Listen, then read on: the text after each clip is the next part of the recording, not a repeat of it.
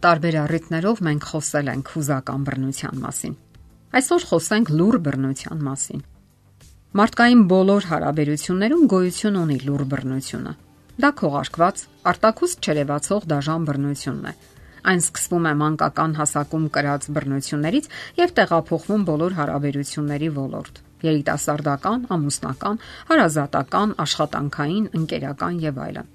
եւ արժե հասկանալ ու ճանաչել բռնության այս տեսակը խուսափելու համար ոչ հավասարազոր հարաբերություններից, երբ կողմերից մեկը լուրջ ճնշում է մյուսին։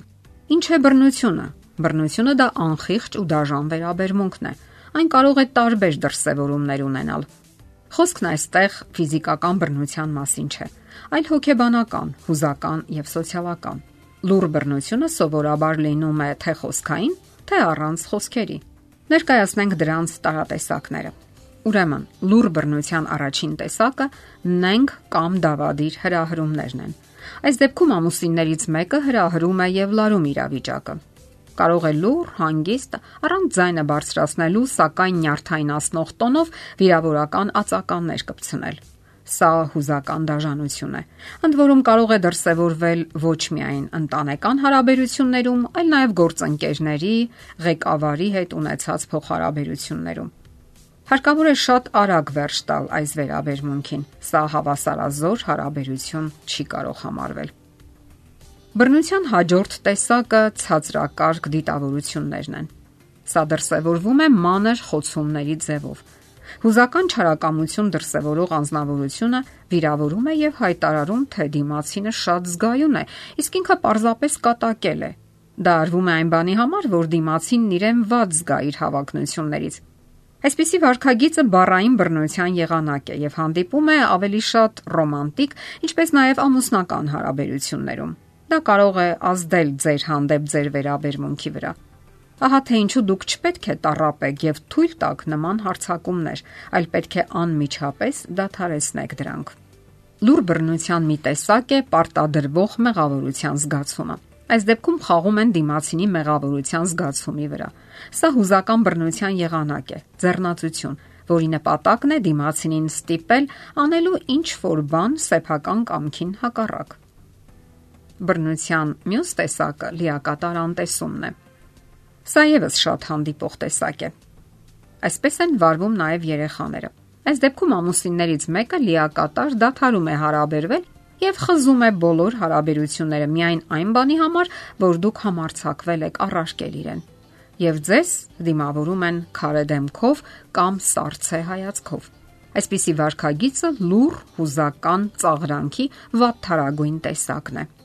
Լուր բռնության հաջորդ դրսևորումը այն է, երբ դիմասինը անջատում է լսողությունը։ Ձեր ամուսինը ձեզ չի լսում։ Եթե նա այսպիսի միջոցների է դիմում, պարզապես մի էլ մտածեք տանջվել եւ կորցնել ինքնահարգանքը։ Այսպիսի վերաբերմունքի սովորաբար դիմում են երեխաները, սակայն դուք երեխա չեք։ Լուր բռնության հաջորդ դրսևորումը վատ վերաբերմունքն է։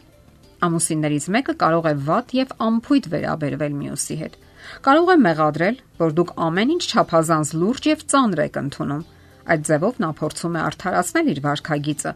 Ձեզ կարող են մեղադրել նաեւ ծայրահեղ զգայականության մեջ։ Լուր բռնության հաջորդ դրսևորումը բացահայտ նվաստացումն է։ Սա բացահայտ դեպք է։ Որպես ազդանշան կարող է ծառայել այն, որ կողմերից մեկը իրեն շատ վատ է զգում դիմացինի հետ։ Սա նշանակում է նաև, որ բնականon հարաբերություն պարզապես գոյություն չունի Շատ ավելի տարօրինակ է, որ ամուսինները հարաբերությունների նման վիճակում շարունակում են ապրել, առանց փորձելու շտկել իրավիճակը։ Բռնության հաջորդ եւ շատ տարածված դրսևորումներից մեկը սեռական հարաբերություններն են առանց ցանկության։ Իհարկե, սա եւս բռնության ձև է, որին ենթակա են հիմնականում կանայք։ Ցանկություն չկա, սակայն համաձայնում են, որpիսի ընտանիքում խաղաղություն լինի իսկ երբ այն parberakan բնույթ է ընդունում, ապա կարող է վատ թարացնել հարաբերությունները լավացնելու փոխարեն։ Խոսենք նաև բարոյական բռնության մասին։ Սա եւս լուր բռնության տեսակ է, որ դրսևորվում է հարաբերություններում։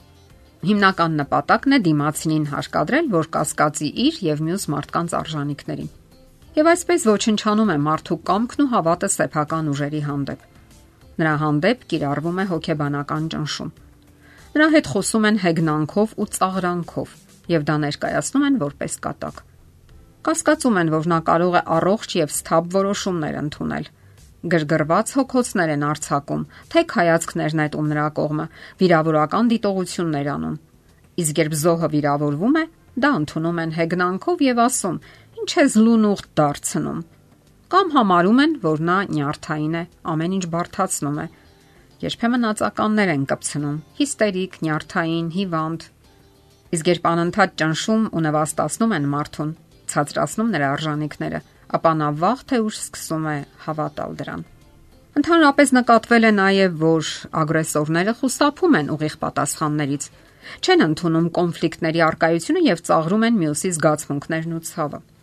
Փոխհամագործակցության մեջ նրանք խոսում են վերևից եւ չեն ընդունում դիմացինի փաստարկները։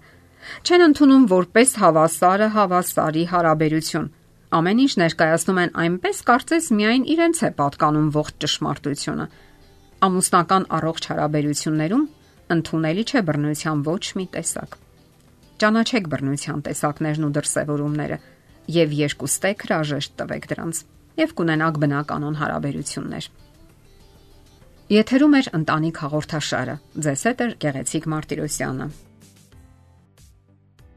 Հարցերի եւ առաջարկությունների դեպքում զանգահարեք 041 08 20 93 հեռախոսահամարով։ Հետևեք մեզ hopmedia.am հասցեով։